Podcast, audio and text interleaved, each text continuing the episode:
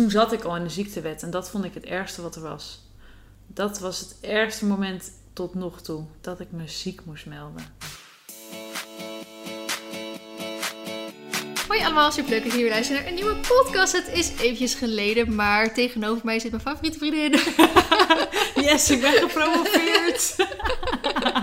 favoriete vriendin om deze podcast mee op te nemen. Eh, nou, eh, voor mij zit Esmee natuurlijk. Eh, met Esmee doen we altijd, altijd, ja, tot- Ja, ja, altijd. Ehm, wel. jullie ingestuurde ehm, problemen eigenlijk eh, bespreken. En daar geven wij dan advies op. En eventueel zoeken we daar iemand bij die daarbij past. Maar vandaag gaan we wat dieper in op Esmee haar eigen probleem misschien, om het even zo te zeggen. ja, het klinkt, Mijn probleem. klinkt een beetje raar, maar... ehm, daar gaan we straks eh, verder op in. En dat gaat dus over een burn-out. En Esmee heeft daar een Insta-story over geplaatst. ehm, met of jullie zeg maar, vragen hadden. Alles omtrent burn-outs. En ook mails ook konden insturen. Dus daar gaat eigenlijk deze gehele podcast over. We willen even dus nog even een eh, side note geven. Dat wij zelf geen psychologen zijn. We zijn eh, geen deskundigen. Ik heb zelf geen burn-out gehad. Esmee heeft er wel één gehad. We praten echt vanuit Esmee haar verhaal. En we reageren op Esmee haar verhaal. Ja. Dus uit eigen ervaring, dus niet vanuit deskundig oogpunt. ja, ik denk dat dat heel belangrijk is om te zeggen. Ja, Hoe eh, was je week? Nou ja, daar gaan we af- eerst mee beginnen. Hè? Hoe was je week? hoe was je afgelopen drie een- Drie weken geleden. Nou, ik... Het is wel lang geleden al hoor. Ik weet ook Drie niet meer wat weken. ik drie weken geleden gedaan ik heb. heb wel één heel mooi verhaal. Dat was vorig weekend. Dat kan ik wel even vertellen. Ehm, Als je minder geluid maakt. Ja, ik, ik heb even moeite. Ik heb een, dat zal ik ook vast een side note doen. Ik heb een hele drukke dag gehad en twee hele slechte nachten. Dus Oh. ik zit niet lekker in mijn vel. Dus ik zit wat meer te rommelen dan dat je van me gewend bent. Dus stilzitten is op dit moment eh, Iets moeilijker. moeilijk. Dus ik doe mijn best. Accepteer je. Gelukkig maar. Ehm, vorig weekend was, eh, was mijn broertje 21 geworden. Was echt heel gezellig. nou, dat verhaal zou ik eh, maar apart houden. Hè? Dat is niet echt eh, Van toepassing van deze podcast. Maar Er ehm, kwam een stripper even- langs, maar... eh, Oh ja, er kwam een stripster langs. Dat was echt, dat was echt fun. Maar goed, echt goed een 21-jarige feestje ingeluid, om maar zo te zeggen. Eh, zondags, want jij vroeg natuurlijk hoe mijn week was. Zondags appte Niels. En Niels is mijn beste vriend. Mhm. En Niels staat ook bij mij op stal. En met Niels heb ik op de paardenhouderij gezeten. Dus Niels ken ik al heel wat jaren. Eh, Niels appte mij van, ja, wat ben je aan het doen? Ga je mee naar de boot? Maar ik was zo brak, jongen. Ik dacht echt, oh, nou... Het alcohol kwam nog net in mijn oren uit, weet je wel. Zo brak was ik. Ik dacht, nou, dat is niet verstandig. Toen zeiden ja, dat is juist lekker, lekker uitbraken op de boot. Het is wel waar. Ja, had ook uiteindelijk achteraf gezien. Had hij ook zeker eh, gelijk.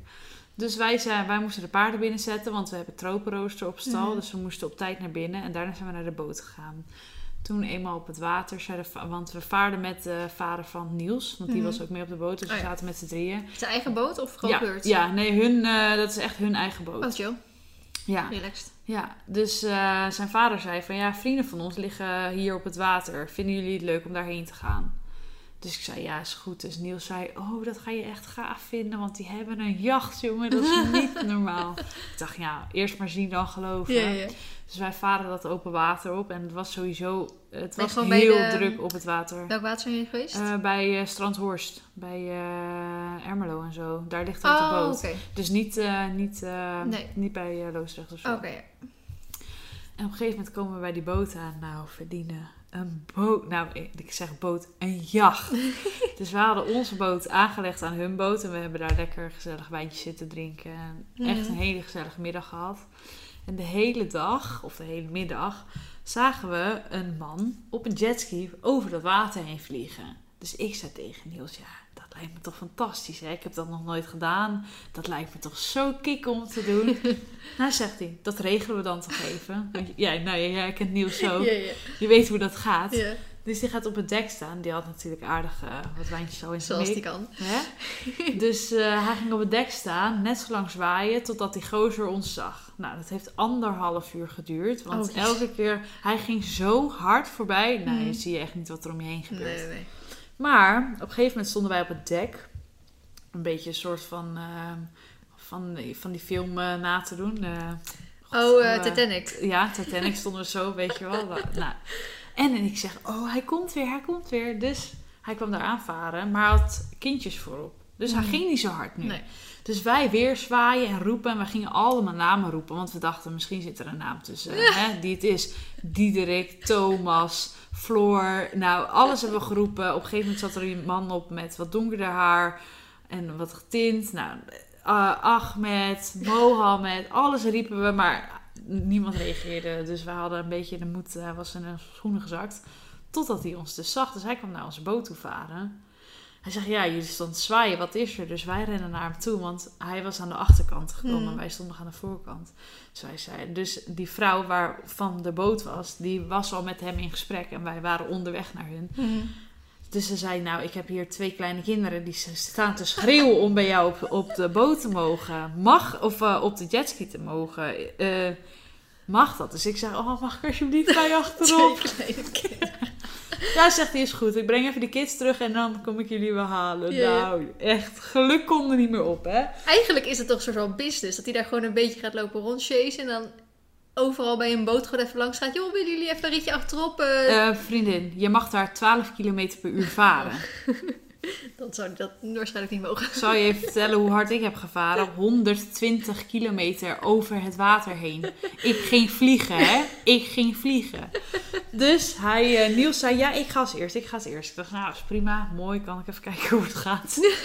Toen stond hij er ook. Zei ja, nee, ik- durf nog even niet. Esmee, hup, ga jij maar. Dus hij duwde zo naar voren. Ik dat zwemvest aangedaan. Dus de, ehm, die jongen van wie die jetski was, die heette Floris. En iedereen stond mij te filmen. Dus hij zei, ja, je moet het wel even delen op Instagram. Dus ehm, Niels, die moest ook weer even stoer doen. Die zegt, ja, Esmee is influencer. nou, dus ik moest fucking hard lachen. Ik zeg, hou eens op. Zegt hij, oh ja, wat toevallig. Ik zit ook met allemaal influencers op de boot. Joey Bravo, Oh, Mo? Bicep, Donnie Roelvink. Ik zeg, nou, Ja. kom, laten we maar Ja. gauw gaan. Zullen we daar anders heen gaan? Dus eh, ik zat daar achter op die jetski. En ik zat nog te zwaaien naar iedereen op de boot. Hij zegt, je moet me vasthouden. Dus ik dacht, ja, dat vindt hij gewoon sexy, dat ik hem vasthoud. Nee, ik ga dat dat niet doen. dus ik had zo... Ik, kan, ik zit het wel na te doen hier, maar jullie hebben natuurlijk geen beeld. Maar ik had gewoon zo om zijn middel had ik hem vast. Toen stopte hij weer zijn eh, jetski. Hij zegt, nee, je moet om mij heen en je Ja. handen in elkaar doen. Dus ik dacht, nou, wat een aansteller. Hij zegt, zit je goed? Ik zeg, ja hoor. En nou, je hebt het filmpje gezien. Hij geeft gas, jongen. Jezus. Ik vlieg daar toch bijna van die jetski af. Zo knetterhard over dat water heen. Dus ik schreeuw. Ik dacht, oh, ik had ook geen zonnebril op. Ik dacht, oh, mijn wimpers vliegen eraf. Weet je wat? Daar was ik ook druk Daar mee. ze zich zorgen. Zo het eerste wat ik zeg. Zitten mijn wimpers er nog op? dus wij een heel rondje gevaren. was super gezellig. En daarna hebben, heeft Niels dus ook nog een rondje ge- achterop gezeten. Mhm. En eh, zijn vader ook. Want die, die vond het toch ook wel heel super tof. Wat leuk dat die, die jongen dat wel Ah, gewoon ja. even deed allemaal. Ja, had met, dat zeiden de jongens, die mannen zeiden dat. Ja, met jou had hij wel een extra lang rondje gedaan. Hè? Ik zeg, ja, maar ik ben een vrouw. Dat Ja. snap ik ook wel. Maar het was zo leuk. En wij kwamen helemaal... Nou, ik kwam zo van, van die jetski af. was niet normaal. Dus eh, heel de middag nog op de boot gezeten. En eh, ja, was echt gewoon... Echt een perfecte zondag. Heb, je, heb je in dat water geen golven? Is het gewoon redelijk... eh, Oh joh, je had wel golven. Op een gegeven moment dan pakt hij verkeerd die golf en dan schiet je jetski Ja. zo omhoog. Nou, Hey, wij hebben het eh, op Curaçao gedaan eh, een paar Oh. jaar geleden. En ik vond... eh, ik ging eer, wij deden met z'n tweeën zeg maar één jetski huren, want Ja. dat is altijd voordeliger natuurlijk. En dan Ja. ging Sjoerd eerst en ik achterop. Nou, dood en doodeng als, als je achterop zit. Maar als je zelf voorop zit, ja, dat heb je dan natuurlijk niet mogen meemaken. Maar nee. Als je zelf is het echt een heel stuk minder eng. Ja. Omdat je dan de controle zeg maar gewoon zelf hebt. Ja. En dat had ik ook als ik bij Sjoerd achterop zit. denk ik, nee, langzamer, Maar langzamer, hoe, hoe langzamer. hard gingen jullie dan? Want dat hij, niet. eh, Maar wij gingen in open zee varen, hè, dus je had Ja. best wel hoge golven. Dus je Ja. kon ook niet zo heel hard gaan. Nee, en hij heeft dus een, een van de snelste jetskis uit Nederland, heeft hij. Bizar. En eh, nou, wat ik zeg, je mag 12 km per uur varen en wij gingen met 120 km per uur. eh, vloog ik over de water heen. Dat was echt lachen. was echt Ja, super, leuk. super stoer. Ja, Ja, zou ik zo weer doen. Ja, Echt adrenaline kick, dus eh, Ja. nou, kort Dus we verkopen ons paarden en we gaan jetskis. Nou, dat eh, zei ik ook. Ik zeg, wil je anders ruilen? Ik heb twee zwarte paarden in de aanbieding. Dus ik had die van Niels ook al half en heel verkocht. Ik zeg, tegen die jetski van jou? Dus Niels moest lachen. Nou, dat vind ik eigenlijk wel een goede deal, zei Niels. Ik zeg, nou, hup. Strikt eromheen. Doei. Ideaal. Ja, 310 pk, dus dat is wat anders dan 1 pk. Ja, Ja. snap ik. Dus eh, om eventjes eh, verder, eh, Leuk verhaal. verder, verder niet heel veel boeiends in Ik heb je ook niet heel veel gesproken eigenlijk. Nee. Wij willen... Waarom niet? Ja, weet ik niet. Ja. Ja, ik ben druk geweest. Ik had Ja. vakantie. En ik was op vakantie met de paardjes. YouTube-weekje. Ja, oh ja. En, ehm, En ook als wij elkaar gewoon niet spreken, is het gewoon ook altijd goed. Ja, maar dan, appen- dan ik heb jou lekker. Ik heb zin om naar het strand te gaan met Olympus. Ja. Want jij zit al eh, drie maanden te zeuren van wanneer gaan we nou- Voordat je Olympus al had, zei ik wel, nou, met een nieuw paard gaan we naar het strand. Je had hem nog niet eens. Sinds toen al. En nu, eh, hij is meegeweest op YouTube Week. Hij heeft gewoon weer voor de zoveelste keer laten zien dat hij mega braaf is. Dus nu Ja. ook zoiets, nou, up, laten we naar het strand toe gaan. Alleen voor ons is het strand natuurlijk best wel een stukje rijden. Dat is echt nou, ongeveer twee uur, zeker als ik jou nog moet ophalen. Ja. Eh, dat vind ik voor Olympus een beetje lang om dat zeg maar op één dag te doen. Dus we dachten, maken we er even twee dagjes van en doen we overnachting. Dus daar zijn we nu even een beetje naar aan het zoeken met eh, of we dat ergens kunnen doen. ja. En wanneer. En, en, En? we gaan nog een weekje weg samen. Ja, eh, september willen we even een paar dagen weg gaan samen. Vijf Ja. dagen of zo. Ja, zoiets, is het inderdaad. Omdat Esmee dan vakantie heeft. En ik zei twee, drie weken geleden tegen van Esmee, ik moet even weg. Maar dan Oh. even op een chill vakantie, weet ik je wel? ook. Ik, als ik op vakantie ga met Sjoerd, en dat vind ik hartstikke leuk natuurlijk, dan is het altijd een activiteitenvakantie eigenlijk. Ja. Dat is onze soort vakanties, dat vinden we allebei leuk en dat is ook helemaal prima. Alleen omdat mijn dagelijks leven zeg maar nu ook gewoon heel druk, is, ja. heb ik zoiets, ik wil gewoon even een chill vakantie. Ja, en ik weet niks. dat Sjoerd dat niet heel leuk vindt. Nee. Ehm, en ik weet dat Esmee dat wel heel erg leuk vindt. dus toen Ja, dat is zei echt ik, perfect. ja, en eh, toen ja, jij vorig jaar nog een relatie had, ging je eigenlijk in jouw vakantie altijd beetje Met hem. met ja. hem natuurlijk op vakantie. Dus nu dacht ik, jij bent altijd rond september heb jij je vakantie. Ja. Oh, ik kijk er al echt zo lang naar uit. Dus, ik, ik eh, kan het je niet uitleggen. Dus toen, zei, ik weet niet meer hoe we erop kwamen, maar toen zei ik, zullen we op vakantie gaan. Maar we kijken even corona aan. In ieder geval Ja. met, eh, ja, met natuurlijk- boeken en zo. Hm. Maar we hadden het er net ook over. We kunnen ook gewoon maandagochtend naar Schiphol gaan. En dan in de mine mutten. Welke vlucht gaan we pakken? Waar is de plek? zo Precies. zijn wij ook. Ja. Ja. dus dat zou ook nog kunnen. Ja, en mocht het ehm, echt niet naar het buitenland kunnen, dan dachten we, dan pakken we dan gewoon, dan gaan we met de paarden een paar dagen weg. Ja, dan kunnen we gewoon, weet ik wel, camping naar Drenthe of eh, een beetje richting Duitsland. Of, eh, ja, of het strand juist of zo. of juist naar het strand dan ook weer. Ja, Want dan kunnen we wel meerdere dagen gaan. ja. Ja. Dus daar eh, waren we een beetje mee bezig afgelopen eh, tijd. En hoe was jouw eh, week verder? Ik neem ondertussen even een slokje. Ja, ik Ja. hem een beetje droog. Ja. Nou, ik nou ja, ben nu alweer tijd terug van onze paardenvakantie. was heel relaxed. En om, het, aan de ene kant was het heel chill. ehm, aan de ene kant, precies tijdens de hittegolf gingen wij met de paarden op vakantie. Ja. En dat is aan de ene kant gewoon echt niet chill. Want je kan gewoon geen enkele over al je plannen gaan door. We wilden gaan crossen. We wilden twee meiden zouden op springwedstrijd gaan. We doen altijd een parcoursje of een eh, Chase Me Charlie. Een, een hoogtesprong, zeg maar. Dat is gewoon traditie om dat met YouTube weekje te doen. Nou, dat ging gewoon allemaal niet door. Want het was echt te hoge temperatuur natuurlijk daarvoor. Dus het werd bijna elke ochtend werd douwtrappen. ehm, of s'avonds laat nog even rijden. Want in de schaduw is het op zich nog wel rond 9 uur zeg Ja. maar, te doen dan. Ehm, dus aan de ene kant was het heel jammer dat het tijdens die hittegolf... dat wij precies onze paardenvakantie hadden. Aan de andere kant ehm, was het ook wel weer heel relaxed. Want daardoor had je natuurlijk de paarden aan huis eigenlijk. En kon je ze gewoon drie, vier keer per dag afspuiten. Leuk hè? En anders Ja, kan dat niet. Dan rijd ik 's ochtends een keer heen. Dan rijd ik 's middags een keer heen. Ja. Weet je wel. Ehm, en omdat eh, Suzanne een zwembadhuis heeft... Mm. Ehm, zaten we daar gewoon elke dag lekker in het zwembad. En we zijn ook een keer naar een strandje geweest. En anders zit ik met een hittegolf in een appartement. Ja. En dat is niet vol te houden. Ik heb gelukkig een airco gekocht. Vlak, eh, nou, een tijdje daarvoor al. Na de vorige hittegolf dacht ik, nou, dat doe ik niet nog een keer. Dat moet met een airco de volgende keer. Ja. Eh, kijk, en dan moet je echt met vriendinnen afspreken. Want zullen we ergens naar een zwembad, zullen we naar een strandje of wat dan ook gaan. Maar nu heeft zij een zwembad thuis. ja, Dus ik was eigenlijk wel blij dat we met een hittegolf eigenlijk gewoon daar zaten. daar zaten. Ja. Ehm, en daardoor hebben we wel heel veel kunnen relaxen. Want ik appte jou voor die vakantie van SB. Ik heb- ben echt toe aan de chillvakantie. Ja. Echt even niks doen. En, maar dat heb ik daar wel al een beetje voor de helft kunnen krijgen, zeg maar. Omdat Ja. ik gewoon dus lekker heb ik chill- gechilled daar. Ik heb zelfs een heel boek uitgelezen. Zo, ja. ben aan het tweede boek ben ik begonnen. Eh, ja, echt gewoon lekker kunnen chillen. En dan Ja. s ochtends of s avonds juist even rijden. Weet je, het was gewoon echt ook het weer er niet naar. Ehm, dus dat was eigenlijk heel relaxed. En toen ik thuis kwam, toen moesten we heel hard aan het boek gaan werken. Ja. En daar zijn we nog steeds mee bezig. En dat gaat ook nog wel even duren. ja, ik heb het gezien. Dus, eh, en het is, eh, jij zei het net al toen, we, toen ik je een kleine rondleiding door het boek heen gaf. Mhm. Eh, toen zei je al van, ik had echt niet verwacht dat het eigenlijk zoveel eh, werk was, toch? Of wat, Nee, ja, wat er allemaal ik- bij kon ik- kijken. ja, want je was ook aan het bellen natuurlijk met eh, Miranda. Ja. Wij hebben niet echt geheimen voor elkaar of Nee. zo, dus... Ik had gewoon op luidspreker staan. Ik Ja, ja het is niet echt dat we, dat we daar moeilijk over doen of zo. Hmm. En zij besprak wat dingen met jou. Dacht ik, oh jeetje, ja, daar moet je ook aan denken. En oh, oh ja, dat. Weet Ja. je wel? Dat ik dacht, dacht oh, even een, boek, even een boekje schrijven.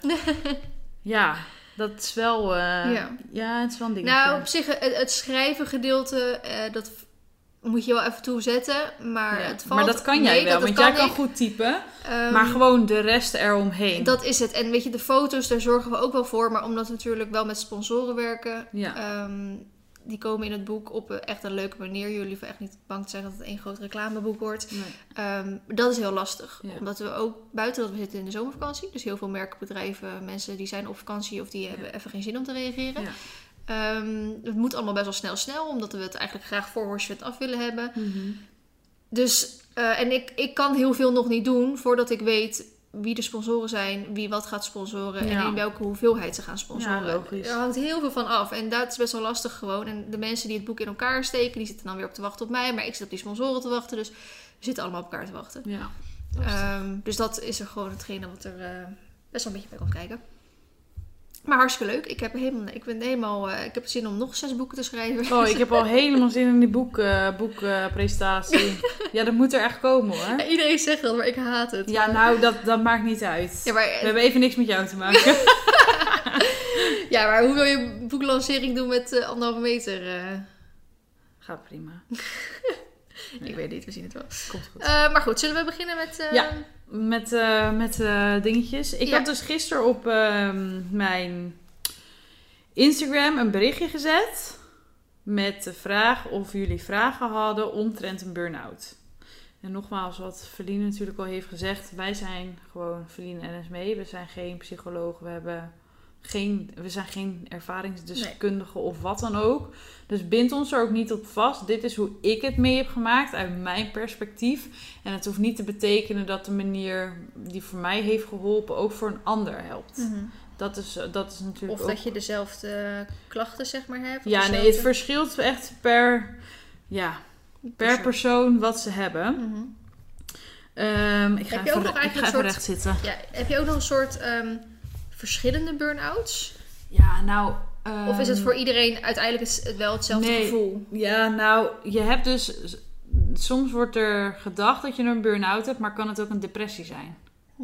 Want dat, dat Of lijntje... overspannen weer? Of overspannen, maar het verschil tussen overspannen en burn-out, dat, daar ben ik nog niet helemaal soort van achter. Volgens Mhm. mij is burn-out dat je er echt even letterlijk oud ligt. Mhm. En overspannen dat het gewoon eh, met hulp allemaal weer wat sneller terug of eh, beter gaat. Ja, precies. Ehm, maar het lijntje tussen een burn-out en een depressie schijnt, schijnt dus erg eh, klein te zijn. Ja. Of smal of hoe dun. Maar op de vraag, want ik had natuurlijk heel veel vragen gehad. De eerste vraag zal ik even beantwoorden. Wat is een burn-out? Want ja, anders hebben Ja. mensen geen idee waar we het over gaan hebben. Mhm. Ik had daar een heel mooi stukje van opgezocht. Een burn-out, het Engelse woord voor opgebrand, is een eindstadium van een langdurige periode van stress en overspanning.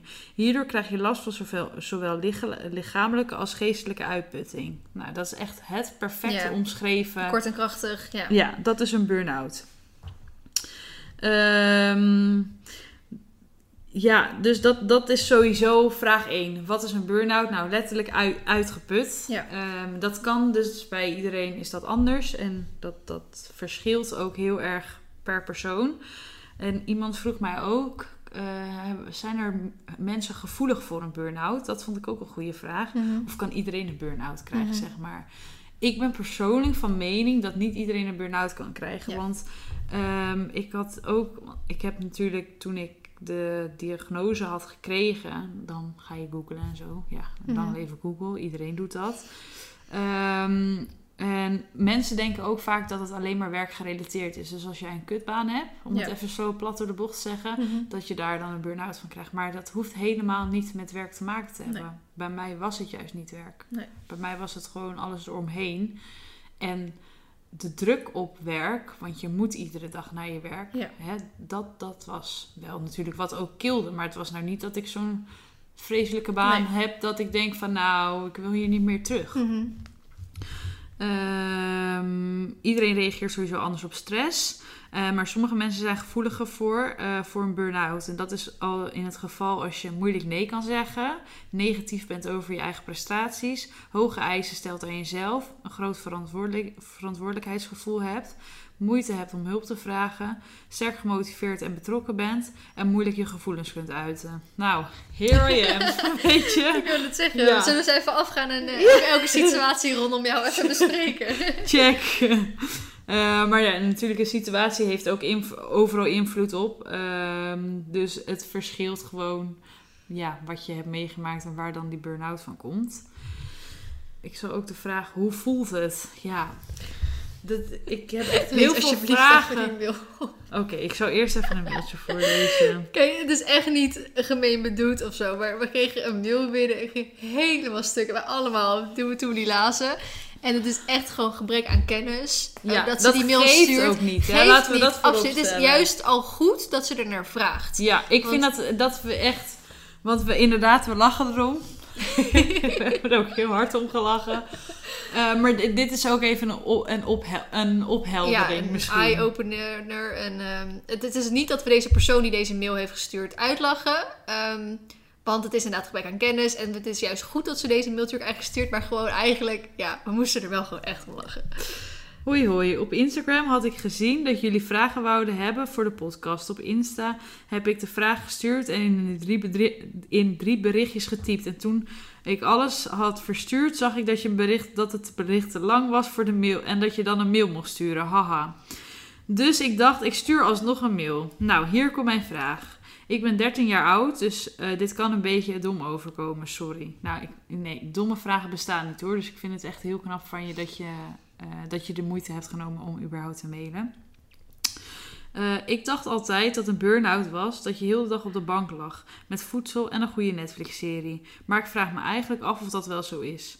Dus is het zeg maar eh, dat je gewoon je normale leven leidt, dus naar vrienden gaat en naar, je, naar de paarden, behalve naar je werk? Of is het heel wat anders? Ik hoop dat jullie dit een leuke vraag vinden en ik hou heel erg van de podcast. Met vriendelijke groet. En toen zeiden we nog, nou, was het maar zo. Ja. Dan teken ik voor een burn-out hoor. Ja, was, ja, nee. Maaike, ik vind het, eh, bedankt voor je mailtje, maar eh, helaas werkt dat niet zo. ik vind het ook jammer. Maar weet je wat, nou, in, omdat, ja, nu we het toch over dat mailtje hebben. Mensen dachten ook, want ik heb in het begin, toen ik muziek had gemeld, Mhm. of toen ik officieel ziek gemeld was, heb ik zes weken thuis gezeten. Toen zeiden mensen, hey, lekker zes weken vakantie. mensen hadden geen idee, hè? Nee. Dat is geen vakantie. Als je Mhm. zo slecht in je vel zit en zo met jezelf bezig bent, is het geen vakantie. nee. En ik denk dat je je dat niet kan voorstellen, behalve als je het zelf hebt gehad. Ja, dat, dat denk ik ook niet. Dat denk ik Nee. echt niet. Tenzij je dus een goede vriendin of iemand hebt dat, die je een beetje een soort van kan vertellen hoe het is. Maar dan Ja. nog kan je je niet inbeelden hoe Nee, het echt is. Je hebt geen idee. Dus nee, ik heb geen zes weken vakantie gehad. En daarom kijk ik zo uit naar mijn vakantie in september. maar eh, dat terzijde. Het is dus ook niet dat ik zes weken lang op de bank Netflix-series heb gekeken met een zak chips in mijn handen. Kijk, eh, Vooral dat gedeelte met voedsel. met, met wat voedsel op de bank. Nog leuker geweest als dat gezegd snacks. Ja, snacks. nee, zo, zo werkt het niet. Je voelt je gewoon lusteloos. Je hebt nergens zin in. Eigenlijk heb je gewoon alles van een depressie. Alle dingen. Want je, dat, ja, nou ja, als je daar meer over wil weten, dan kun je ook even googlen. Ehm, maar je voelt je gewoon uitgeput. Je bent moe. Je lijf wil niet. Je hoofd wil aan het begin niet. En dat, dat is heel erg... eh, Is het een soort van te vergelijken als je bijvoorbeeld echt heel erg intens, intensief gesport hebt bijvoorbeeld? Dat je echt even moe bent. Dat je denkt, ik moet nu op de bank zitten, ik val om. Maar, dan Zo dat, voelt je lijf. maar dat gevoel gewoon 24 uur per dag. Ja, zo voelt je lijf. Oké, ja. En om daarop terug te komen, ik heb dus dat nog steeds. Want Mhm. ik had gisteren willen sporten en Mhm. ik, kon, ging niet. Ik kon gewoon mijn bed niet uitkomen. Nee. Het lukte gewoon niet. Dus zo voelt je lijf inderdaad. Maar geestelijk, ja, zo kut, want dat, dat speelt dan ook nog mee. Dat is ook gewoon helemaal naar de getver. En ja, dus op de vraag hoe voelt het nou dus zo? En nu ben ik, eh, want ik ben 1 april de ziektewet ingegaan. We zitten nu op eh, half af augustus. Ja. Mijn concentratievermogen is nog steeds helemaal naar de getver. Ik eh, werk wel weer. Nu alweer vier dagen in de week tot half drie. Maar gisteren ben ik eerder naar huis toe gegaan. Heb ik de hele middag geslapen. Vandaag, ik heb soms gewoon error. Dan zitten mensen dingen tegen mij te vertellen. En dan zit ik ze aan te kijken en denk ik... Je was wat aan het vertellen, maar Het is niet binnengekomen. wat je hebt verteld, hè? Ik durf het eigenlijk niet meer te zeggen. Maar betekent dat dat gewoon dat je te snel hebt opgebouwd al? Of dat je nog Dat niet klaar voor bent? Of... Kijk, ik denk eh, dat het met vallen en opstaan gaat. Ja. Ik heb deze week oprecht echt een slechte week. Dat, eh, daar, dat hoeft niet onder bank te schuiven. Ik heb echt twee super slechte nachten gehad. Vannacht heb ik slaapmedicatie van mijn moeder gepakt. Vannacht om twee uur. Maar omdat ik dat zo laat pas had ingenomen, werd ik vanochtend ook helemaal zo wakker. Want dan is echt zwaar spul. Mhm. Maar ik kon gewoon niet slapen. En dat heeft dat. Ik heb de eerste weken ook slaapmedicatie gehad van de dokter. Want ik was moe, want je lijf is uitgeput en je Mhm. hoofd is uitgeput, maar ik kon niet slapen. Ja, kan je Nou, en moeilijk als er opladen. iets frustrerend is, is als jij met je ogen open wakker ligt naar het plafond te kijken, terwijl je zo moe bent en dat je niet kan slapen. Mhm. Ehm, en slaaptekort werkt dan sowieso averechts, vooral bij zo'n burn-out. Want je hebt, met zo'n burn-out heb je gewoon heel erg regelmaat nodig. Ik merkte al gauw, want de eerste twee, drie weken heb ik echt alleen maar in bed gelegen, denk ik. Had ik ook al mijn afspraken gecanceld. En nou, werken deed ik natuurlijk dan al niet meer. Toen Mhm. was ik al de ziektewet in. Vriendinnen, ja, mochten over de vloer komen, maar niet, niet meer als een uur of twee uur. Want ik redde het gewoon niet. Mhm. En dat ga je natuurlijk nu opbouwen. Eh, maar het is niet zo dat je even in je vingers knipt. Dat dacht ik. Dat ik dacht, nou, wat een aanstelleritis. Dan rust even twee, drie Ik weken doe uit eventjes gaan we twee weken eh, thuis zitten en het komt wel weer goed. Nou, daar eh, kom je flink van terug, want zo werkt het niet. mhm. We zijn dus nu bijna vier maanden verder of zo. Maar ehm, moeten we even op twee dingen inhaken. Als eerste, hoe ben jij eigenlijk aan je burn-out gekomen? En ik weet, dat zal vast een vraag ook zijn. En de Mhm. tweede, jij hebt, jij hebt al een paar jaar geleden ook een burn-out gehad, toch? Eh, ja, ja, niet een officiële zeg maar. Mhm. Maar toen eh, zat ik er ook flink doorheen. Dat was wel, had wel met werk te maken. Ehm, dat, eh, om daarop terug te komen, dat was in 2015 denk ik. Toen had ik zo'n slechte baas waar ik voor werkte. En die heeft me echt helemaal knettergek gemaakt. Letterlijk. Waardoor ik gewoon ook helemaal overspannen was. Ehm, maar je- ik werkte voor haar omdat ik dat moest doen voor mijn studie. Want als ik stopte met werken voor haar, kreeg ik geen diploma. Want dat was een Mhm. BBL-opleiding. Oh ja. Dus daarvoor moest ik twee jaar volmaken bij haar. Nou, de vlag is uitgegaan toen ik daar eindelijk weg kon. Eh, dus toen had ik er ook al wel last van. Een ondersteuning gezocht op dat moment. Ook een tijdje toen bij een psycholoog gelopen. Maar ik merkte gewoon dat ik niet klikte met de psycholoog. Ik vond dat dat- werkt niet. Nee, het werkte niet voor mij. Nee. Dus ehm, Maar is het Dat? zo omdat je bijvoorbeeld toen al ehm, zoiets hebt meegemaakt... dat je er dan nu misschien sneller vatbaar voor bent? Dat je s- sneller er een soort van in terugvalt? nou, je zou eigenlijk denken dat je er dan van geleerd hebt. Ja. Zou- aan de ene Zou kant je zou denken, zou je hè? denken. Dat je denkt, nou Es, nu kun je wel via grens aangeven. Nou, mission failed. Helaas. Ehm, dus dat vind ik lastig. Ik denk inderdaad dat als je het één keer gehad hebt, dat je er misschien wel eh, vatbaarder voor bent. Maar ik denk eigenlijk dat, je er, dat ik er nu op dit moment met de opbouw nog vatbaarder voor ben. Want je wil snel Ja. te veel. Ja. Te snel, Ja, te veel. Ehm, dus dat, dat, is het, dat is echt het gevaarlijke. Dat is eigenlijk gewoon een mooi veel voorbeeld van hoe rustiger je het aandoet, eigenlijk hoe sneller je weer terug in business bent. En nu, omdat ik dus twee slechte dagen gehad heb, heb ik de afspraken die ik eh, donderdag en vrijdag op mijn planning had staan, heb ik geschrapt. Mhm. Om nu al te zorgen dat ik rust in mijn hoofd krijg en niet denk, kut, ik heb een hele drukke planning, error. Ehm, en want waar ik me ook in vergist had, leuke dingen, zoals afspreken met de paarden weg, überhaupt de paarden, Mhm. dat kost ook energie. En energie heb je nodig met die, met die burn-out. Ehm, en mijn, ik loop nu, want ik had ook een vraag: wat voor hulp krijg je op dit moment? Nou, mij was geadviseerd om naar een psycholoog te gaan, maar ik kreeg een burn-out in de coronaperiode. En in de coronaperiode mocht je nergens naartoe, dus was het allemaal telefonisch. Mhm. Nou, en sorry, het spijt me echt heel erg, maar ik, heb het, ik, ik kon het gewoon niet aan om telefonisch consulten te gaan volgen met Nee. een psycholoog. Die je dan nog nooit gezien had. Die ik nog nooit- ja, nee, ik voelde me daar helemaal niet Nee, ik. bij. Dus ik heb gekozen om bij de praktijkondersteuner van de huisarts te blijven. En dat, ehm, daar heb ik vroeger ook gelopen, dus ik kende haar al. En daar voelde ik me heel vertrouwd bij. Ehm, dus zij heeft mij in het begin heel erg veel geholpen. Toevallig heb ik afgelopen vrijdag nog een eh, consult bij haar gehad. En ze vond het zo goed gaan dat ik pas eind oktober terug hoef. Zo, dat is best een lange Ja, tijd tussen. Dus dat is, dat, daar hebben we vrijdag een drankje op gedronken. want dat is natuurlijk weer een Ja. mijlpaal dan Ja. op zo'n, eh, Ja. in, in zo'n situatie. Ehm, dus dat eigenlijk.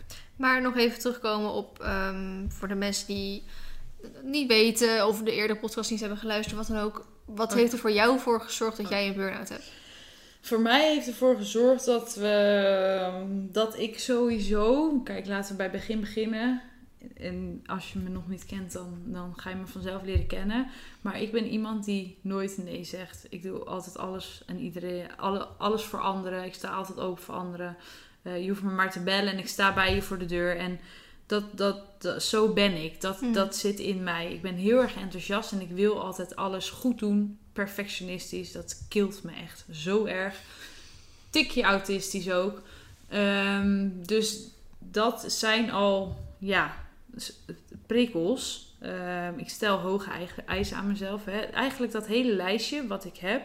Negatief bent over je eigen prestaties. Mhm. prestaties ja. Een groot verantwoordings, eh, verantwoordelijkheidsgevoel hebben. Nou, dat, dat, dat zijn wel... ehm, Dat is wel ook wel iets wat je toch wel op je werk eh, had. Je had best wel veel verantwoording op je werk. En dan is dat misschien niet per se de reden van je burn-out, maar meer alle klachten die je zo van buiten je werk al om had. En dan had je op je werk ook nog eens zo'n Ja, het is verantwoording. en dat gewoon- je dat dan even Het is alles in één, Ja. zeg maar. Alles, en toen is natuurlijk in december mijn moeder zo ziek geworden. Nou, dan, dan krijg je daar een klap van. En dat ging maar door, dat ging maar door. En Mhm. op een gegeven moment komt er Dat een moment... ook. Ja, zeg. nou letterlijk ja, want je bent er dag en nacht mee bezig. Je laat Ja. het niet meer los. Het is echt van de ene ziekenhuisbezoek naar het andere Ik zat- ziekenhuisbezoek. Ik zat meer in het ziekenhuis dan dat ik op mijn werk zat. Ja. Besef even, fucking ziek Mhm. eigenlijk. Ehm, dus in maart voelde ik me al, want iemand vroeg ook, heb je het zien aankomen? Ja, natuurlijk heb ik het zien aankomen, want je voelt het, Ja. letterlijk. Maar dat, ik ben zo'n diehard en dat is echt iets wat ik nu heb geleerd. Ik moet naar mijn lichaam luisteren. Ik luisterde niet naar mijn lichaam. Ik dacht, ja, oké, een pijntje hier, pijntje daar. Ga Mhm. eens even gewoon door. Niet zo zeiken. Dat, dat Mhm. ben ik. Daar gaat het dus ook mis. Maar daardoor voelde ik in maart al dat het niet lekker ging. En niet lekker in de zin van mijn energie ging echt slecht. Ik ging echt slecht op dingen. Mhm. Was ook echt veel minder gezellig en nou, alles bij elkaar. En toen in ehm, eind maart kregen we weer slecht nieuws over mijn moeder. Ja, en toen ben ik gewoon finaal ingestort. En als je je dan afvraagt hoe dat eruit ziet. Nou, ik kreeg dat nieuws s'avonds laat. Ik heb de hele dag gehuild, de hele nacht gehuild. En de volgende ochtend moest ik werken. Mhm. Toen kwam ik op mijn werk en toen zei ze, wat is er? Ik zeg, ik heb weer zo slecht nieuws gehad. Nou, huilen, huilen, huilen. Er kwam gewoon niks aan mijn handen. Hè? Ik Mm. zat gewoon zo achter mijn bureau. De telefoon ging, ik nam hem niet eens op. Weet je, dat. Dat is echt bizar. Fucking sick gewoon. Als je erop terugkijkt ook, dan denk ik, nou, dat ben dat? ik. Ja. Hoe kan dat? Toen, die dag, hebben ze me naar huis toegestuurd. Toen zei ik, ja, ik neem wel een dagje rust en ik zie jullie donderdag. Dat zei ik, hè. Nou ja, mooi niet natuurlijk, want eh, het ging alleen maar slechter. Mhm. Ik heb echt drie dagen lang aan één stuk doorgehuild. Toen heeft mijn moeder de huisarts gebeld en zegt: Ja, ze heeft echt wat kalmeringstabletten nodig hoor, want dit gaat echt niet goed. Mhm. Toen hebben ze oxazepam voor me voorgeschreven. Ja, daar ging ik echt lekker op, want daar kon ik echt goed op slapen. en toen, ehm, toen zat ik al in de ziektewet en dat vond ik het ergste wat er was. Dat was het ergste moment tot nog toe, dat ik me ziek moest melden. Ja. Dat ik moest Hoe gaat dat dan? Moet je gewoon dat bij de huisarts of zo? ze doen? hadden die dag dat ik zo jankend om het... Ja, ik, ik praat er lekker makkelijk nu over, hè, maar dat is ook hoe ik ben. Want dat, dat Ja. maakt het net wat makkelijker allemaal. Maar op het moment dat ik zo jankend op het werk zat en ze me naar huis toe hebben gestuurd... wist mijn baas al dat ik niet de volgende dag terug zou komen. Want dat hadden ze al wel voorspeld. Mhm. Ehm, dus die heeft mij ziek gemeld. Maar dat was voor mij het punt dat ik dacht, ja, ik heb gefaald. Mhm. Ik heb de hele boel bij elkaar gefaald. En dat, dat vond ik zo erg. Eh, mijn baas heeft me wel echt de volgende dag meteen gebeld van... Esmee, je mag je echt niet schuldig voelen. Mhm. En het Echt is, niet, het is niet falen. Ja, ik had echt chapeau hoor. Mijn baas, eh, ik kan echt niet anders zeggen. Nee, je bloemen, bloemen gekregen, Ja, weet je wel. Echt, kaartjes. echt een goede baas dan. Echt heel, echt heel vriendelijk. Ja, daar kan ik echt niks van zeggen. En de volgende, die, die week erop, toen belde mijn baas ook en die zei... Ja, Esmee, je moet gewoon je rust nemen. En we willen je pas terug op het werk zien wanneer jij weer Esmee bent. Mhm. Toen dacht ik zo, dat, dat vind ik wel... eh, Fijn om te horen. ja, want dan leg je ook, de druk gaat er dan Ja. af. Want juist, er was eerst druk om mezelf ziek te melden. Mhm. Want ik liep er al langer mee. Mhm. En daarna was het druk van kut, ze denken dat ik met een week terug ben. Ja. En toen dat allemaal wegging, Maar Dan- ik denk het ook, ehm, hè, ik probeer het altijd dan zelf ook te voelen, maar eh, ik heb al jarenlang geen eh, vaste baan natuurlijk meer. Eh, maar soms dan denk je net, oh, ik heb even een paar dagen rust nodig. Maar dat kan niet, want je moet naar je werk toe. ja, En je kan niet even niet opkomen dagen, je kan niet zomaar vakantiedagen Nee. opnemen, je kan niet zomaar ruilen of wat dan ook. Nee. Dus je moet doorgaan, die wekker die gaat. Als ik het gewoon een paar dagen, hè, weken, weet- dagen of zo druk heb gehad, ja, dan slaap ik even wat langer uit. Of dan ga ik gewoon even middag eh, Netflixen, inderdaad. ja. Met voedsel op de bank. Het goed op de bank, hè? En, eh, en dan ga ik, eh, weet je wel, dan, dan plan ik die rust in mijn eigen dagen in. Ehm, maar dat kan jij niet. Nee. En mensen met ook Met een normale eh, baan, baan, zeg maar. eh, ja. nee. Nee, dat is echt een eye-opener voor jou misschien inderdaad. Want dat, dat, kan, dat kan ik niet. Nee. Nee. Dus dat is wel eh, bizar inderdaad. Ja. En verder? nou, ik had ook vragen eh, hoe het Nee, met... meer verder Oh. de burn-out. Oh ja, sorry. Ik ga van hak op de tak. Nee, Ehm, nou, toen heb ik dus zes weken thuis gezeten. Tenminste, ik heb het niet bijgehouden. Volgens mij om en nabij de zes weken. Mhm. Toen ben ik gaan koffie drinken op het werk. Want dat is altijd stap 1. En oh ja, tussendoor. Ik heb natuurlijk gesprekken met de bedrijfs- of de arbo-arts gehad. Mhm. Ik was dus onder behandeling bij de praktijkondersteuner. De huisarts belde mij. Ik had iedere week telefonisch contact met mijn baas. Om alles door te spreken hoe het ging. Mhm. En soms wilde ik ook gewoon graag weten hoe het op werk was. Want ik voelde me ja, verantwoordelijk. Ja, betrokken, sorry, ja. daar gaat het alweer. Hè? Ja. Dat is de eerste fout. Nee. Maar zonder grappen, ja, dat zijn wel... Ik dacht van, oh, hoe is het met die en die patiënt? En eh, weet je, Oh, dat ja. soort dingen. Ja. Ik had me wel voorgenomen, want ik kan dus op de agenda in mijn telefoon... Dat heb ik er afgeflikkerd, want ik dacht, ja, ik word gek. Dan ga ik iedere dag kijken wat die meiden gedaan hebben. Ja. Kunnen ze wel zonder? Maar ik dacht, nee, dat moet ik loslaten. Ja. Ehm, dus toen ben ik begonnen met koffie drinken. Ook een grappig verhaal. De eerste keer dat ik koffie kwam drinken, dat was gepland. Toen stond er een spoed-OK van een cavia. Waarvan ze, ze, hij zijn darmen eruit geperst had. Oh, Dus ik kwam binnen. Ik zeg, hé, hey, ik kom om koffie te drinken. Nou, trek maar even handschoenen aan, weet je wel. Dus zo stond ik alweer in de OK. Toen dacht ik, oh, dit vind ik... de- weet je, ik eh, pas me heel makkelijk aan. En Hmm. ik, ik ben eh, stressbestendig. Mhm. Kan ik wel van mezelf zeggen. Maar door die burn-out krijg ik het dan soms af en toe wel even benauwd ermee. Dus ik kwam daar. Ik dacht, holy shit, error. Ja, en toen dacht ik, oh nee, ik kan gewoon nadenken. Ja. Hup, ik kan dat gewoon doen. Dus toen heb ik nog een cavia staan opereren. En dat was de eerste keer dat ik weer koffie kwam drinken. Dus die meiden waren alweer lang blij dat ik er was. Ik zei, nou, nu ga ik ook weer naar huis. Dat was dus echt een uur later dan gepland. Toen zei ik ook van ja, dit is prima voor één keer. Maar juist nu moet ik grenzen stellen. Dus ik kom voor koffie drinken. En dan moet het niet zo zijn dat ik dit Even soort dingen... Dat ik een cavia sta te opereren. Dat gaat niet. Dus ehm, dat hebben we rustig opgebouwd. Met eh, één of twee keer koffie gedronken nog. En toen ben ik gaan werken. Ehm, eerst twee dagen in de week twee uurtjes. En toen drie dagen in de week twee uurtjes. En toen vier dagen in de week twee uurtjes. En dat hebben we nu helemaal opgebouwd naar vier dagen in de week. Van half negen tot half drie zit ik op dit moment. Is het een, een logischere opbouwing om inderdaad eh, van wat je zegt van twee dagen naar drie dagen naar vier dagen twee uurtjes te gaan, dan dat je op één dag twee uurtjes doet en dat uitbreidt naar vier, zes, eh, negen uur en dan de rest van de week zeg maar vrij hebt. Dat je één Ja. dag hard werkt en de rest. dat, ik, had, ik mocht daar zelf invulling Oké. over geven. Alleen, eh, kijk, mijn standaard rooster, als ik zeg maar gewoon beter ben, is vier dagen werken. Mhm. Dus ik dacht, ja, straks kan ik het helemaal aan om twee dagen te werken. Maar kan ik straks die andere twee dagen er niet meer bij hebben. Dus ik dacht, ik kan dan beter ritme Mhm. en regelmaat houden. Want als, op de dagen dat ik niet hoefde te werken, lag ik weer hele dagen in bed. Mhm. Dat mag natuurlijk niet, want je moet ritme in je dagen houden. Mm. Dus dat betekende dat ik gewoon 's ochtends uit bed moest komen om dezelfde tijd als normaal mijn werker ging. En dan maar naar Isa moest gaan of zo. Of in ieder geval bezigheidstherapie moest hebben. Ja. Eh, maar niet moest blijven liggen. Want juist die regelmaat heb je dan nodig. Ja.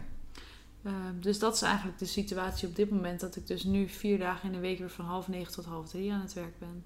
Dat is best wel snel gegaan. Ja. Eh, ik heb nog wat vraagjes. Hoe zit het met de paarden tijdens een burn-out? Of, en ik had ook de vraag, die kan ik wel samenvoegen. Merkte je aan Isa dat ze anders deed? Nou, Oh, goede vraag wel. ja, Isa was echt. Ik zei in het begin van de burn-out: ik ga een paard verkopen. Ja. Ja, dat weet je nog. Ik weet nog dat je op Insta-story had gezegd: Ja. van, mocht er iemand gewoon echt serieus in dit paard Ja. hebben, Komt u maar door. kom maar door. Gratis af. Nee, dat is een grapje. Maar Nee. ik dacht van: oh, weg ermee. Ook allemaal druk. Weg ermee. Ik moet het niet hebben nu. Totdat ik op een gegeven moment het werk weer een beetje op had gepakt. Want in de eerste paar weken heb ik er ook echt, ben ik er, heb ik er amper naar omgekeken. En iedereen zei ook van, dat is helemaal prima. Het Mm. paard krijgt eten. Mhm. De stal wordt gemest. Komt heel de dag buiten. Ja. Leanne is er. Waar maak je je druk om? Ja. Wat is je probleem? Dacht ik, ja, maar het is mijn kind. Ik wil Ja. gewoon iedere dag daarheen. Nee, maar je ik. moet om jezelf denken. Dus ik ben ook oprecht gewoon volgens mij drie weken niet geweest. Of dan was ik er en dan dacht ik, nou, ik heb geen zin meer. Ik ga naar huis, doei. Mhm. En dan dacht ik van, ja, schuldgevoel. Ja, fuck it. Ik moet aan mezelf denken. Ja. En op een gegeven moment toen ik eh, echt weer Isa wat meer probeerde op te bouwen en zo... ben ik met haar gaan knuffelen en een beetje eh, grondwerk gaan doen.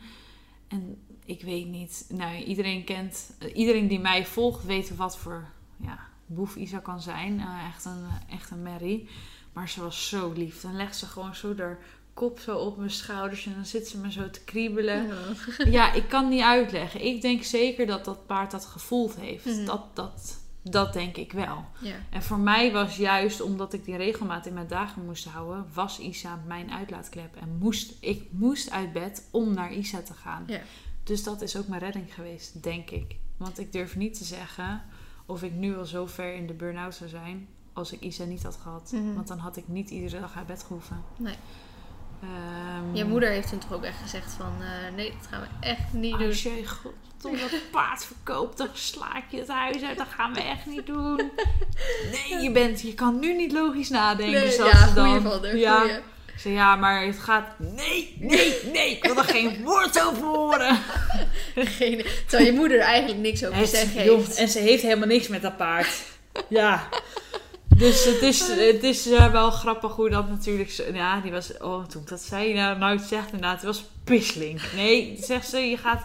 Jij hebt nu een burn-out, jij kan niet logisch nadenken. Volgend jaar, als je je dan nog zo erover voelt, dan doe je het maar. Nu niet, ze gaat niet weg nu. En iedereen op stal die het wel wist, die zei ook van... Nou, als we wat moeten doen of wat dan ook, eh, Mm. laat maar weten. Eh, dus dat eigenlijk. En nu heb ik ook sinds deze, sinds eigenlijk een maand, anderhalve maand, Rijk Sam. Eh, dat is de, het paard van mijn instructrice. Oh, Rijk drie tot vier dagen in de week erbij. En persoonlijk merk ik gewoon dat ik het heel lekker vind om bezig te zijn met paarden. Ja. Laatst had ik er drie op een dag gereden. Nou, vaker al. Drie, drie op een dag. Mhm. Dan denk ik, oh, wat een prachtig leven heb ik eigenlijk als ik zoveel paarden mag rijden. Ja, ja. Ik word daar heel erg gelukkig van. En het kost me energie, maar het levert me zoveel meer energie op dan een dag werken. Mhm. Omdat paarden, ja, bij de paarden ligt gewoon mijn hart simpel zat. Mhm. Ehm, dat zet je natuurlijk ook dan gewoon weer extra aan het denken van, ja, wat wil je dan? Ja. Maar ook met werk en met de paarden en alles. Dus we hadden ook al plannetjes zitten smeden om anders iets in de handel te gaan doen qua paarden. Maar ja, op dit moment is er geen plek op stal. Dus hè, wat Ik vervelend. weet ook niet of dat heel goed voor je stressniveau Maar is. inderdaad, ehm, om, om verder te kijken naar om langer te, op langer termijn en zo, mm, is het allemaal niet zo handig. Ook ehm, qua salaris en zo. Ik verdien daar natuurlijk niet echt zoveel geld dat ik zoveel paarden kan onderhouden. Mhm. Maar Vaak is handel- zoiets. Vaak ehm, is handel toch echt alleen te doen als je het echt op een eigen plekje kan zetten. ja, dat je voor ook. handelspaarden pensioengeld moet betalen, nou, dan ben je meer geld kwijt. Ja, eh, maar en anders dachten we van als de paarden zouden mak moeten gemaakt worden, dat heb ik natuurlijk ook best een tijd gedaan. Dan kan Mhm. ik dat misschien weer oppakken. Maar ja, aan de andere kant denk ik ook, ik kom net uit de ziekte, of tenminste, ik zit er nog middenin. Straks breek ik even mijn poot als ik van zijn paard afdonder. oh, mijn werk ziet me al aankomen. Dat, dat, eh, kan, nee, dat is dat verantwoordelijkheidsgevoel wat ik dan ook heb, dat ik denk, nou, no way, dat Nee. gaan we niet doen. Ehm, dus dat eigenlijk. De paarden brengen mij persoonlijk dus heel erg rust. Mhm. Dus ehm, dat was nog een vraag. Ik ga even verder kijken. Ik heb een vraag aan jou, Vee. Wat heb jij dingen aan mij gemerkt? Nou, eh, niet echt eh, grote dingen of zo. Ik heb wel... ehm, je ging steeds vaker aangeven dat je moe was of dat je, te, dat je druk was, zeg maar. Mhm. Alleen, ik heb nog nooit iemand eh, dichtbij me gehad die een burn-out had. Mhm. Behalve mijn zus. Maar het moest dus echt een jaar later pas van mijn moeder horen dat mijn Ja. zus in een burn-out zat. Dus dat Ja. wist, ik- ik wist het niet eens. Ehm, dus ik wist ook niet zo goed hè, hoe, hoe dat eruit zou moeten zien of zo dan. Ehm, en toen je... Nou, je, je gaf al best wel steeds vaker aan van nou, ik ben moe of ik heb het druk of eh, ik heb even rust nodig of wat dan ook. Maar nog steeds niet dat er alarmbellen gingen rinkelen Mhm. of zo. Maar ik vond het eh, later, zeg maar, ehm, omdat je moeder ziek werd en dat zo lang zeg maar duurde, Mhm. dan wordt het ook een mentaal, eh, mentaal stuk, zeg maar. Ja. En nou, toen eh, ging je relatie uit, toen overleed je oma Ja. natuurlijk ook nog. En dat was soort van zoveel dingen bij elkaar, dat ik Ja. dacht, geen enkel persoon gaat dit Ja. doorkomen, zeg maar. Dus ik denk van, ik, ik snapte in één keer een soort van, van oh ja, dit is wel soort logisch of zo, weet je wel. Logisch. ja, maar ik denk, eh, ik ben natuurlijk altijd wel vrij nuchter daarin. Mhm. En eh, we hadden in het begin van de podcast erover van... eh, kan iedereen een burn-out krijgen? Ben je daar gevoelig voor? Ja of nee bijvoorbeeld? En dan denk ik... Mijn leven is heel druk. Ik ervaar, ervaar ook veel stress natuurlijk met veel dingen. Maar over, voor de rest is mijn leven heel goed, zeg maar. Hè? Stabiel. Stabiel. Ja. Ik heb, de, met de paarden gaat het goed. Met Sjoerd gaat het goed. Met mijn huis gaat het... Hè? Het is gewoon mijn woning, financieel. Het, school, het gaat goed. Maar ik weet zeker als het of in mijn relatie niet goed zou gaan... of met een van mijn paarden zou ziek zijn... dat ik er ook veel sneller onderdoor zeg maar, zou gaan. Ja. En dan misschien wel die kans heb om die kant Ja. op te gaan.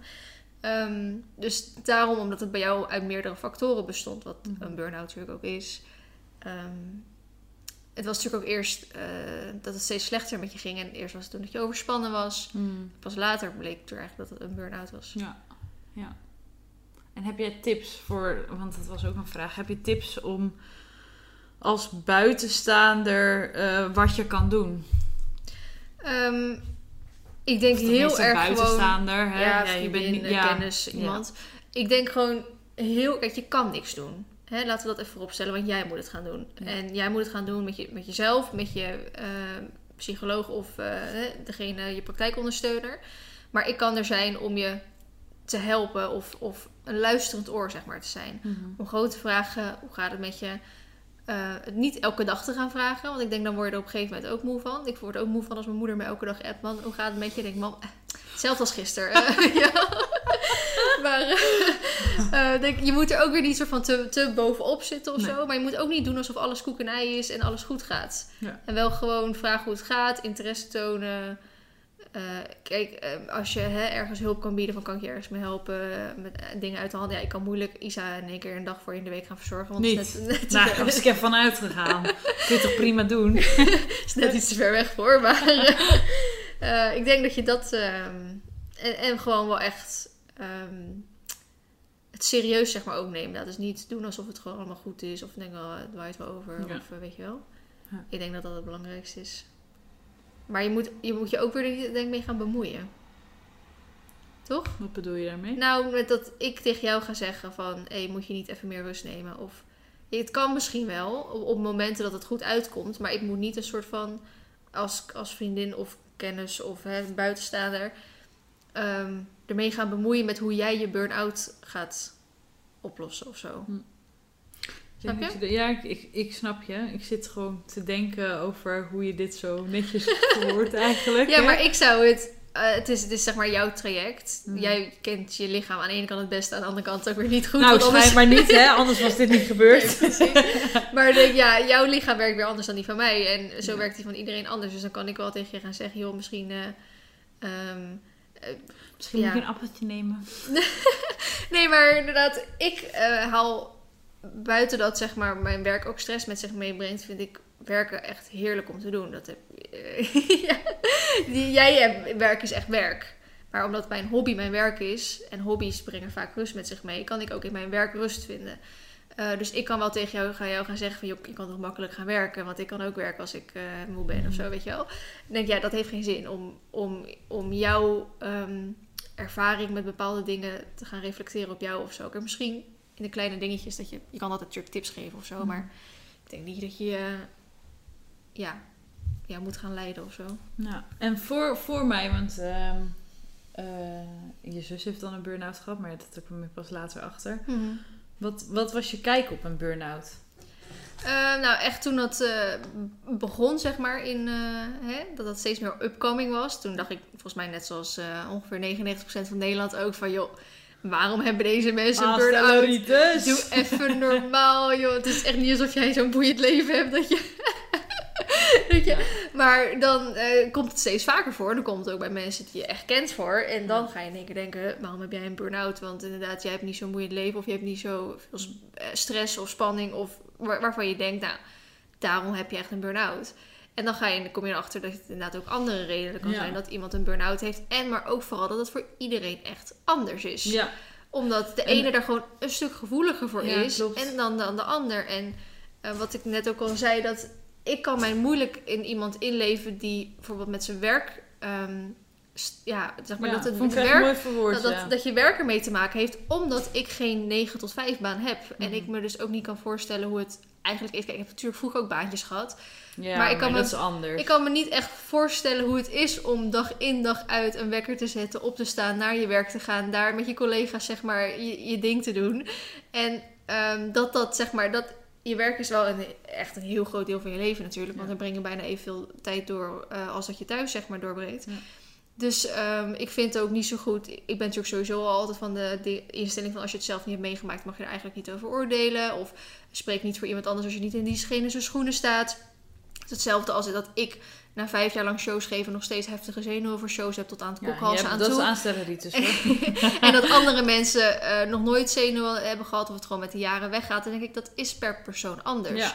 Er hebben letterlijk mensen tegen mij gezegd: Ik snap niet dat je stopt met shows geven, want Ja. eh, je moet dat gewoon doen voor je fans. Denk ja, maar je weet niet hoe het is, hoe ik me Nee. voel. En dat is hetzelfde. Ik weet niet hoe het is, hoe iemand met een burn-out zich voelt. En dat kan voor iedereen anders zijn. Ja, dat En- vind ik ook. Iedereen kan daar, denk ik, ehm, gevoeliger toch zeg maar op bepaalde punten voor ja, zijn. Anders, eh, Ja. anders voor zijn.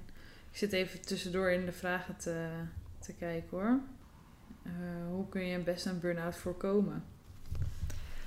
Ja, ja, ik kan het niet eh, zeggen, maar ik, Genezen is of is dat zo? dat- Voorkomen is beter dan Dank genezen. u. Ja, dat ja. maar ik denk, ehm, wat, wat je is moet gewoon naar jezelf luisteren. naar je lichaam luisteren. ja, Ja. dat doe ik dus niet. Heb ik niet gedaan. Ben ik nu aan het leren. Want dat is een leerproces. Als je dat niet in je hebt, dan gaat daar maanden tot jaren overheen voordat dat beter gaat. Ja. Want nog steeds maak ik soms de fout hoor, dat ik veel te veel plan.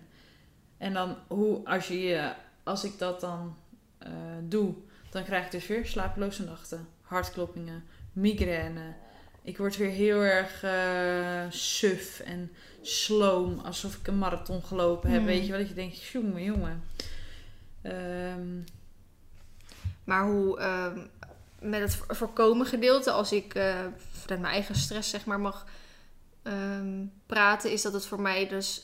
Ik, ik kan dus heel goed naar mijn eigen lichaam luisteren, omdat ik vanaf eh kinds af aan al heel erg migraine heb gehad. ja. Dus ik heb vanaf Jij jongs voelt af het ook gewoon aankomen. Echt, ik voel het aankomen. Ik weet precies wat ik vooraf moet doen, wat ik tijdens moet doen en wat ik erna moet doen. Omdat Ja. ik echt vanaf jongs af aan, dat ik echt jong was, al hele heftige migraine had. Ik gewoon rustig vijf dagen in de week migraine had.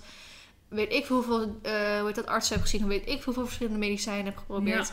Dus ik gewoon echt weet hoe ik met ehm, drukke momenten om moet gaan, omdat eh, mijn hoofd het niet trekt. Dus ik heb al wat eerder leren nee zeggen. Ik kan nog steeds heel slecht nee zeggen, maar ik heb wat eerder leren nee zeggen. Ik, bijvoorbeeld, ik noem maar iets op. In groep 7 ga je vaak op schoolkamp, weet je wel. Mhm. Ga je een week eh, op werkweek of schoolkamp of hoe je dat ook noemt. Ik heb daar nee op gezegd, omdat ik weet, dan ga ik migraine krijgen. Dat is dan al iets wat heel leuk is, waar je heel het jaar zeg maar naar uitkijkt. En dan kan, kon ik gelukkig zeggen, meer uit angst, weet je. Want ik weet gewoon, ik wist gewoon duizend procent zeker, als ik daarheen Ja. ga, krijg ik migraine. Daar had ik geen zin in.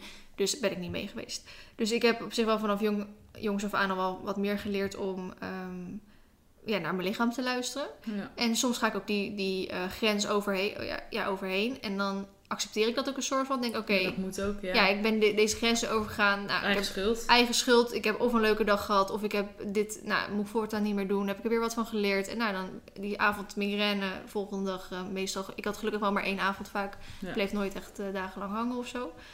Ehm, maar vooral die, die rustmomenten in de dag eh, of in je week, zeg maar, opbouwen. Dus niet Ja. doorgaan, doorgaan, doorgaan, doorgaan. En mijn leven is praktisch gezien doorgaan. Mhm. Ehm, ik weet nog dat eh, Anne, hè, mijn PA, tegen mij zei... Ze werkte van de week een dag hier. Alleen ik moest... ehm, ik ging eerst 's ochtends naar Anne Claire een podcast op te nemen. Mhm. We hebben twee podcasts opgenomen. Dus ik ging daar 's ochtends heen. En ik was pas echt rond een uur of twee of zo terug. En eh, ik moest middags weg omdat ik een buitenrit had. Dus zij, Anne heeft hier praktisch heel de dag alleen gezeten om te werken. En gewoon teksten schrijven voor het boek, met dingetjes bezig zijn, weet je wel. En ze zei, eh, vol, appte mij volgende dag en we hadden het ergens over. En toen zei ze, ik was gewoon echt moe toen ik gisteren terug van eh, kwam. Ik heb echt lekker geslapen of iets in die richting. Ze zegt, ik kan me niet voorstellen dat elke dag bij jou er zo uitziet. Dat zou ik nooit van mijn leven volhouden. En ik denk, ja, maar het is wel het, het eh, rustmomenten tussendoor inplannen. Ik vind Mhm. het belangrijk om vaak uit te slapen. Ik luister eh, veel podcasts om mijn eigen gedachten ook weg te zetten. Want anders ga ik er alles over nadenken. Ik geef rustig me- mezelf een avondje vrij om dus even lekker Netflix te kijken. Ja. Ik ga, wil nu ook meer gaan lezen. Eh, maar moet ook zeggen, wat ik, om, wat ik ook al eerder zei, mijn eh, werk is mijn uit de hand gelopen hobby. En ik kan nog steeds, in de paarden natuurlijk, die ik elke dag zie, rust vinden. Maar ook, ik kan heel hersenloos een video editen. En dan ben ik gewoon vier uur lang hersenloos een video aan het editen. Omdat ik na tien jaar lang dat gewoon kan. Hè? Ik Ja. hoef daar niet meer over na te denken. Eh, en dan weet ik dat het nog steeds goed is. Ja, En dan ben ik gewoon lekker bezig. Met mijn, hè, rustig bezig. Want ik zit gewoon achter mijn laptop een beetje dit, Maar dit, wel dit aan te doen. Wel aan het werk, maar wel ja, niet inspannend, zeg maar. Ja. En ik denk dat dat voor mij wel een redelijk... ehm, je hebt een mooie is. balans in je leven Ja, gevonden. en inderdaad die stabiliteit. Denk ik, ja. Ja. Om, als, je, als je zorgt dat er een aantal factoren in je leven stabiel zijn. Ik noemde vroeger, ik heb dat vroeger ook wel eens gezegd, denk ik tien jaar geleden of zo. School, relatie, geld Vrienden. en... eh nee, vrienden boeien me eigenlijk niet. Hoor je dat, jongens? Het interesseert er helemaal geen zak dat ik hier zit. Ja, maar ik, ik ga weer naar huis. Ik heb ook twee jaar lang gewoon bijna geen vrienden gehad. Dus toen overleefde ik ook. Eh, school, paarden zijn mijn vrienden. Dus dat maakt niet- Nou, En ik heb een Hoor relatie. je dat, jongens? nee, ik hou heel veel van je. Oké. Ehm, school, paarden, vrienden en financieel. Ja. Er moeten minstens twee van die dingen moeten stabiel zijn. Ja. Het liefst alle vier. Ehm, en dan denk ik dat, dat, dat je al een hele hoop eh, rust ervaart. En om, als alle vier niet stabiel bij je zijn, zou ik het ook zeker niet aanraden om alle vier wel eh, tegelijkertijd stabiel te gaan maken. Nee. Maar ga eerst inderdaad werken aan dat je het of eh, schoolgebied het goed gaat, financieel gebied goed gaat, je relatie goed gaat. In mijn slash ons geval het met de paarden ook goed gaat. Mhm. Dus als er één van die vier factoren voor mij niet goed gaat op een moment, dan krijg ik al dan lichte error. Dus laat Ja. staan dat er, dat er twee, drie of alle vier niet goed gaan, dan, Dan is het klaar. dan is het klaar. Ik heb nog een paar vragen. Ehm, hoe maak je het bespreekbaar? Nou, dat, ik heb het gewoon op Insta gezet volgens mij. Ja. Ik dacht, ja, moet ik dan... Moet, ik wist dat het heel lang ging duren. Ik dacht, ja, moet ik dan eh, maar weer mooi weer gaan Ja. spelen... en doen alsof mijn leven oh zo perfect is? Hmm. Terwijl ik hier eh, echt een kutdag heb. Ik dacht, Mhm. nee, daar heb ik geen zin in. Nee. Dus ik heb meteen open kaart gespeeld. En dat vindt iedereen ook heel erg interessant, merk Maar ik. heb jij daar niet ook heel veel rust en, en steun uitgehaald? Ik heb zoveel lieve berichtjes gekregen. Dat is echt... Aan de andere kant, kijk, ik heb nu bijna 10.000 volgers. Ik zou het bijna iedereen gunnen om zoveel volgers te hebben. Om zo, juist zoveel liefde te Ja, krijgen. precies. Dus niet te zuinig. Bizar gewoon. Ja. Dat doet je echt heel goed. En iemand vroeg ook: heb je nare reacties gekregen over mensen die dichtbij je staan? Ehm, nee, niet Over se. mensen die dichtbij je staan? Van mensen die Oh. eh, dichtbij je staan. Sorry, dat was mijn fout hoor. Eh, nee, heb ik niet gehad. Maar sommigen zeggen wel eens met een grapje: "Eh, is het lekker besmettelijk? Of toen ik dus zes weken thuis had gegeten, heb je lekker vakantie gehad? Ja, dan denk ik, ja, weet je, het is, het is prima als je zo'n opmerking maakt, maar het zegt natuurlijk meer over de ander dan over mij. Ja. Dat, je, dat je dus zo onzeker bent dat je dan maar zoiets, zoiets zegt. ja, of ontwetend vooral. Of, eh, Ja, of Ja. ontwetend. Want inderdaad, als je het niet hebt gehad, denk ik niet dat je, eh, dat je erover mee kan praten. Nee. En andere vraag was nog, hoe accepteer je dat je iets niet kunt of niet aan kan? Nou, dat is, dat is de langste weg die er is. Dat is zo moeilijk. Dat lijkt me echt heel moeilijk. Fucking frustrerend. Ik zeg het je eerlijk. Dat je iets wil, maar gewoon niet. Het lukt niet. En dat is zo tegenstrijdig om hierover na te denken. Ja. Hoe denk je nou? Want eh, ik weet, ik ken niet, hè, wat ik zeg, heel veel mensen die een burn-out hebben gehad, maar het is er ook regelmatig dat ook influencers een burn-out krijgen. Ja. En ik weet dat Vera Camilla toen een keer een burn-out kreeg. Of een keer, een heel simpel nu, maar... Even een keertje. Even een keer een burn-out. burn-outje. Ja, dat- Ehm, en die is er ook echt lang, volgens mij wel meer dan een jaar of twee jaar of zo wel mee bezig geweest. En zij eh, nam op een gegeven moment een video op. En ze zei, ze kon op een gegeven moment niet eens meer een wasmachine laten aanzetten. Of de, af, eh, de vaatwasser uitruimen. Dat zeg maar dat al te, mentaal, zeg maar, of Ja. lichamelijk weet ik veel, te veel was. En dat is zo moeilijk om Kun je echt niet voorstellen voor hoor. te stellen. Wat dat betreft heb ik gewoon een, eh, een, ja, nou ik wil het bijna niet zeggen, maar een simpele burn-out gehad. Mhm. Want bijvoorbeeld Marlou heeft ook een burn-out gehad. Die durfde gewoon het huis niet uit. Die moest gewoon de buren bellen om te vragen of dat ze de hond uit kwamen laten. Omdat hij gewoon niet uit bed kon komen. Wat bizar. Ja, ik bedoel maar. Dus het, het is zo verschillend. Ja. Maar zelfs En- voor, voor mijn zus hoor, die heeft ook... Die durft volgens mij ook heel lang niet uit. Ik moet mijn zus een keer vragen voor deze Ja, podcast. zoiets. Ja, met z'n drie of zo. eh, als, Ja. als we een vervolg willen hebben. Ja. Maar, en ook... ehm, ehm, wat hadden we het voor je zus over? Eh Dit is dus ook zoiets. vaatwasser. Vaatwasser. Lichte burn-out. Dat, bedoel ik dus. Dit heeft er ook mee te maken. Dan ben ik zo hup afgeleid en is het klaar. Dan Ja, is het gewoon Helemaal kwijt. op. je, Ja. eh, poef, weg. Nee, ik... ehm Ik probeer hints te verzinnen, maar... vaatwasser hadden we het over. Ja, li- lichte vorm die Niet in... Niet, ehm, in eh, hoe heet dat? ik wil gelijk zelf ook niet meer uit van woorden. Dat ik me niet kan... Ik, ik wil me wel inleven, maar ik kan het me niet voorstellen. Nee. Ik en heel veel mensen, zeg maar. Eh, ik weet het niet meer. Het ging over Marloe. Oh, Over niet het huis uit durven, niet Niet het huis uit durven. de hond uitlaten. Oh, ik weet het niet meer. Nou, sorry. Angstig. eh, Daarom schrijf ik dus nu alles op. Want dat Ja. heb ik dus nodig. Zo erg, dat is echt een...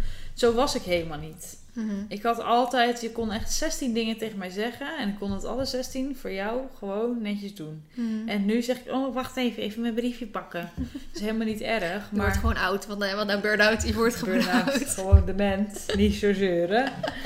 Nee, dat is eigenlijk. Dus ehm, mijn concentratievermogen is eh, op. Dus laten we stoppen. Helemaal goed. Ik weet niet hoe lang we bezig zijn. Ja, wel een mooi uurtje. Ehm, nou, ik hoop dat jullie eh, dit interessant vonden. Ja, laat het ons weten, want dit vind ik wel de spannendste, spannendste podcast tot nog toe. Echt? Ja. Het is hartstikke persoonlijk voor mij. Ja, dat snap ik wel. Ja. Maar ehm, niet om vervelend te doen, maar heb je iets nieuws verteld, zeg maar? Mm, Als mensen mij niet volgen, Ja, oké, als ze je niet wel. volgen, dan wel inderdaad. dan denken ze, denk ik, jeetje, Mine, wie is die meid? Wat een probleem heeft ze. ja. Ja, toch? Zeker. Eh, laat vooral even inderdaad eh, slide into onze DM's om te laten please. weten eh, wat je van deze podcast vond. En ik ga mijn zus een keer vragen. Elke keer als we het hier zeg maar, een beetje over dit onderwerp hebben, dan denk ik... Ik weet niet of mijn zus er open voor zou staan. Nee, moet je vragen. Als ze dat niet staat, is het ook zeker begrijpelijk. Ja. Want niet iedereen gaat er zo open mee om als Nee. dat bijvoorbeeld ik En doe. zij heeft het wel echt door werk gekregen, volgens mij. Ja. Dus is weer anders, want jij hebt het niet door werk Nee, gekregen. nee, het verschilt echt zo erg. Ja. Terwijl ze nu nog precies hetzelfde werk doet als dat ze toen deed, weet je wel. Dus dat is ook wel weer van, oh, maar hoe heb je het dan anders aangepakt en zo. Maar oké, dat ga ik even aan de vragen. Maar ze is op dit moment druk bezig met tekeningen voor mijn boek maken. Yay. Ik heb ze al gezien. Oh my god, guys. Ze zijn alleen nog de schetsen. Zo, ze zijn zo leuk. En dan echt. moeten we ook nog de strips krijgen. Oh, Daar zit ik vooral op te wachten. Zij oh, heeft wel zo de... leuk. Ik heb de, de verhalen, de grote lijnen gegeven. Want dat zijn grotendeels waar gebeurde verhalen. Soms zijn ze even een beetje vervormd om het net wat spannender te maken. Ehm, en ik kan het helemaal niet script schrijven, joh. En ik kan het wel als ik heel veel moeite in stop, maar daar heb ik helemaal geen tijd voor. Dus ik had eh spraakmemo gestuurd, want ik had echt geen tijd om dat allemaal te gaan zitten uittypen. Ik had een spraakmemo naar Anne gestuurd. Anne heeft het zitten uittypen. En, Anne- en dan heb ik dat naar mijn zus gestuurd. En mijn zus heeft daar weer een script van gemaakt. Wauw. Teamwork eh, makes the dream work. Ja, echt hoor. En eh, die scripts heb ik doorgelezen. En het is alleen al zo leuk om dat te lezen. En dat ik gewoon een stuk ging om mijn eigen verhalen. Of zo, Nee. weet je wel. Oh, heerlijk. Kan niet wachten. Ja, ik ook echt. Oh, ik kan ook niet wachten tot ik het in handen heb. Ik, ik hoop ook vooral dat het. Ik hoop natuurlijk dat het een succes wordt. Maar Het zeker wordt eigenlijk succes. met de moeite die we erin hebben gestoken. En overal waar je over nadenkt. En als dat niet soort van erkend wordt of zo. Als iemand zo'n boek vasthoudt, denkt, oh, het is een boek. Maar denk, nee, er zit zoveel liefde, emotie, Ja. aandacht, geld in dit boek. Ja, komt goed. Ik heb er echt volste vertrouwen in. Oké, Ik nou ben heel jongens. trots op je. Oké, dit was hem. Bedankt voor het luisteren. En wij zien jullie waarschijnlijk over twee of drie weken weer. Oké, doei.